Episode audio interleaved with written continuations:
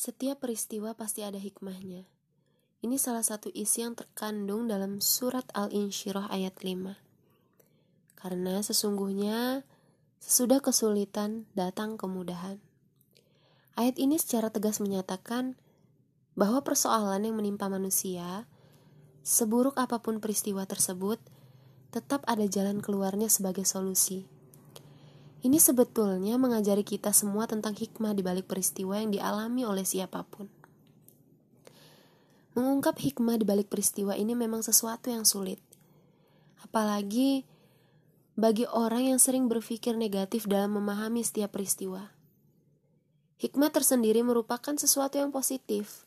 Maka, memahami hikmah di balik peristiwa berarti mencari nilai positif yang ada di balik peristiwa tersebut.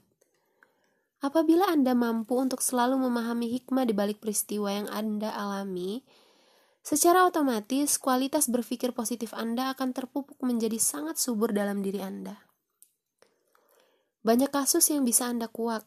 Sebagai contoh, pencarian hikmah dalam suatu peristiwa.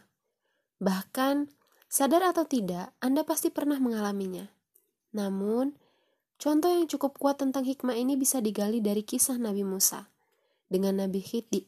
Nabi Khidir. Kedua nabi ini pernah saling bertemu pada sebuah peristiwa yang sungguh di luar akal Nabi Musa saat itu. Dalam perjalanan, Nabi Musa bertemu seorang anak kecil di jalanan. Tetapi, tiba-tiba Nabi Khidir membunuh anak tersebut. Nabi Musa melihat peristiwa pembunuhan ini protes tidak terima. Bukankah membunuh adalah perbuatan jahat dan dilarang oleh Allah? Tapi kenapa Nabi Khidir membunuh anak kecil itu? Kemudian dijawablah oleh sang Khidir bahwa anak kecil itu nanti besarnya akan jadi orang yang ahli maksiat, ahli kemungkaran. Sedangkan kedua orang tuanya adalah orang yang rajin dan ikhlas dalam menjalankan syariat Allah.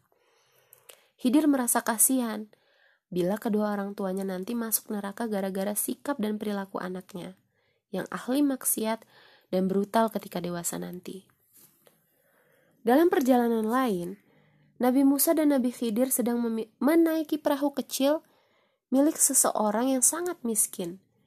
Mungkin perahu itu satu-satunya sumber penghidupan orang tersebut. Karena itu, Nabi Musa protes ketika melihat perilaku Nabi Khidir yang dengan sengaja merusak perahu kecil itu. Kembali dijawab oleh Nabi. Sorry, kembali dijawab oleh Nabi Khidir bahwa Apabila perahu kecil yang ditumpanginya tidak rusak, perahu itu akan diambil paksa oleh bajak laut. Melihat perahu kecil sudah kondisi rusak, bajak laut akhirnya tidak jadi merampok si orang miskin itu tadi.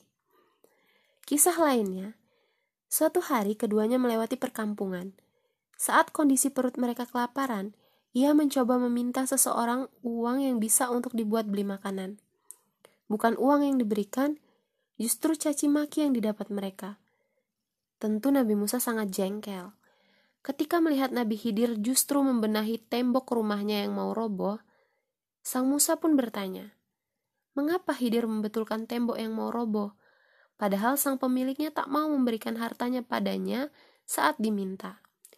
Dijawablah oleh Khidir bahwa di dalam tembok yang mau roboh itu disimpan harta anak yatim.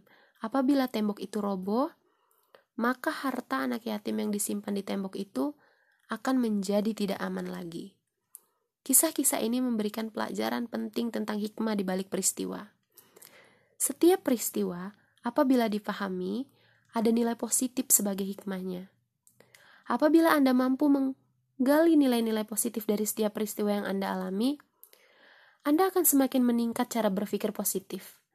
Karena itu, apabila Anda dihadapkan pada peristiwa buruk, cepat-cepatlah Anda gali nilai positif yang terkandung di dalamnya.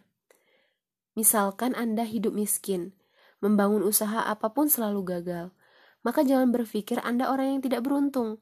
Pertimbangkan diri Anda, apakah Anda apabila dianugerahi dengan rizki melimpah, kualitas hidup Anda semakin baik di hadapan Allah, atau justru semakin memburuk.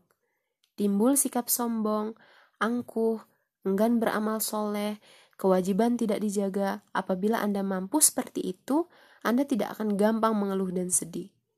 Apa pun yang terjadi pada diri Anda, Anda akan tenang hati dan pikirannya.